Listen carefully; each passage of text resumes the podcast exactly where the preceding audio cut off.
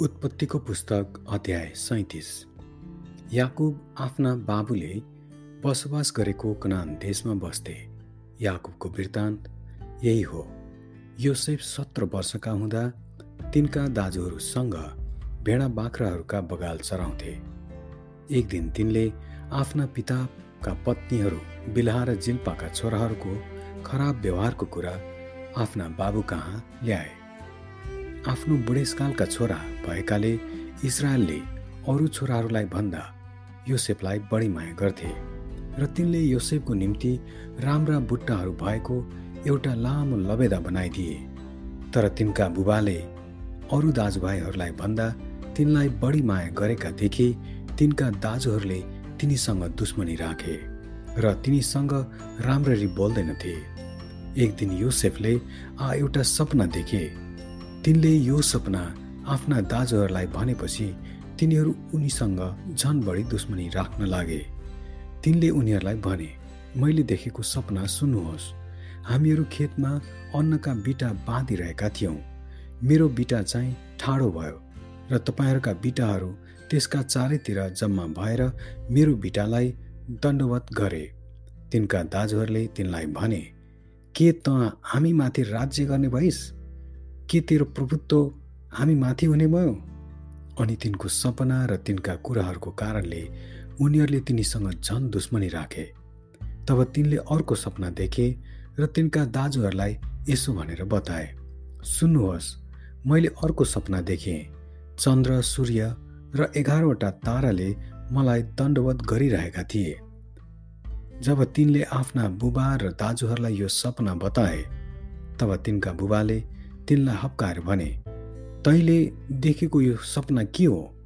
के साँच्ची नै म र तेरी आमा र तेरा दाजुहरू आएर भुइँसम्म झुकेर तँलाई ढोक्नु पर्ने तब तिनका दाजुहरूले तिनलाई डाह गर्न लागे तर तिनका बाबुले चाहिँ यी कुरा मनैमा राखे। एकपल्ट तिनका दाजुहरू आफ्ना बुवाका बगालहरू सकेममा चराउन गएका थिए र इजरायलले यसोफलाई भने तेरा दाजुहरू सकिममा भेडा चढाइरहेका छन्। आइज म तँलाई तिनीहरूका पठाउँछु। योसेफले भने म तयार छु। इजरायलले तिनलाई भने गएर हेर तेरा दाजुहरू र भेडा बाख्राहरू राम्रै छन् कि छैनन्? अनि म कहाँ समाचार लिए? तब इजरायलले तिनलाई हेब्रोनको बेसीबाट सकेममा पठाए। यसो त्यहाँ आइपुगेपछि एकजना मानिसले तिनलाई खेतमा डुलिरहेका भेट्टायो। त्यस मानिसले तिनलाई सोध्यो तिमी कसलाई खोज्दैछौ? तिनले भने म मेरा दाजुहरूलाई खोज्दैछु। दया गरी मलाई भन्नुहोस् उनीहरू बगाल कहाँ चराउँदैछन्? त्यस मानिसले भन्यो उनीहरू त यहाँबाट गए किनभने उनीहरूले हामी दोतानतिर जाउँ भनिरहेका मैले सुनेको थिएँ। यसैले आफ्ना दाजुहरूलाई खोज्दै गएर योसेफले उनीहरूलाई दोतानमा भेटाए। उनीहरूले तिनलाई टाढैबाट आइरहेका देखे। र तिनी उनीहरूका नजिक आइपुग्नुभन्दा अघि नै तिनलाई मार्ने उनीहरूले महत्व गरे। उनीहरूले आपसमा भने त्यो स्वप्नदर्शी आउँदैछ। लौ अब हामी त्यसलाई मारेर एउटा खाडलमा फालिदिउँ। जङ्गली पशुले त्यसलाई खाएछ क्यारे? भने हामी भनौँ र त्यसका सपनाहरू के हुँदो रहेछन् हेरौँला। यो सुनेर रुबेनले यसो भनेर उनीहरूको हातबाट तिनलाई बचाउन खोजे। हामीले त्यसको ज्यानै त लिनु हुँदैन। रुबेनले उनीहरूलाई भने रक्तपात चाहिँ नगरौँ। यहाँ मरुभूमिको एउटा खाल्डोमा त्यसलाई फालिदिउँ तर त्यसमाथि हात चाहिँ नउठाउँ। उनीहरूका हातबाट बाँच बचाएर योसेफलाई आफ्ना बुबा कहाँ पुर्याइदिने हेतुले रुबेनले यसो भनेका थिए। यसैले जब योसेफ आफ्ना दाजुहरू कहाँ आइपुगे तब तिनले लाएका राम्रा बुट्टाहरू भएको त्यो लामो लबेदा उनीहरूले फुकालेर खोसे। अनि उनीहरूले तिनलाई समातेर एउटा गहिरो खाल्डोमा फालिदिए। त्यो पानी नभएको सुक्खा खाल्डो थियो। जसै उनीहरू खान बसे उनीहरूले यसो मासतिर हेरे र मिश्रतिर सुगन्धित मसला लेप मुर र उठहरूमा लादेर लगिरहेका गिलातबाट आएको एक इस्माइली यात्री दललाई देखे। तब यहुदाले आफ्ना दाजुभाइहरूलाई भने हामीले आफ्नो भाइलाई मारेर त्यसको रगत लुकाएर हामीलाई के फाइदा हुन्छ र?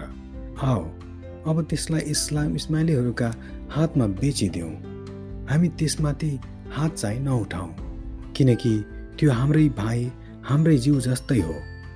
उनका दाजुभाइहरूले उनको कुरा माने। यसकारण जब मिद्यानी व्यापारीहरू त्यही बाटो भएर आए तब योसेफका दाजुहरूले तिनलाई खाल्डोबाट तानी निकालेर ती इस्माइलीहरूका हातमा चाँदीका बिस सिक्कामा बेचिदिए। अनि तिनीहरूले योसेफलाई मिश्रमा लगे। जब रुबेन खाल्डोमा फर्के र योसेफलाई त्यस खाल्डोमा नदेख्दा उनले आफ्ना लुगा च्याते र भाइहरू कहाँ गएर भने केटो त छैन त अब म कहाँ जाउँ तब उनीहरूले एउटा बोका मारेर योसेफको लबेदा त्यस रगतमा चोपे अनि त्यो राम्रा बुट्टाहरू भएको लबेदा उनीहरूले आफ्ना बुवा कहाँ ल्याएर भने यो हामीले भेट्टायौँ हेर्नुहोस् त यो तपाईँको छोराको हो कि होइन? इजरायलले त्यो लुगा चिनेर भने यो त मेरो छोराकै लबेदा हो। जङ्गली पशुले त्यसलाई खाएछ क्यारे? निसन्देह योसेफलाई दुजा दुजा पार्यो होला। तब याकुबले आफ्ना लुगा च्याते र तिनले आफ्नो कम्मरमा भाङ्रा लाएर आफ्ना छोराको निम्ति धेरै दिनसम्म शोक गरे। तिनका सबै छोराछोरीहरूले तिनलाई सान्त्वना दिने प्रयत्न गरे। तर तिनलाई शान्ति भएन। तिनले भने अह यो मेरो शोकमा नै म मेरो छोरा कहाँ चियानमा जानेछु। यसरी योसेफका बुवाले तिनको निम्ति बिलाउन गरे। यसै बिचमा मिद्यानीहरूले योसेफलाई मिश्रमा फारोका एकजना अधिकृत पोतिफरको हातमा बेचिदिए। आमेन।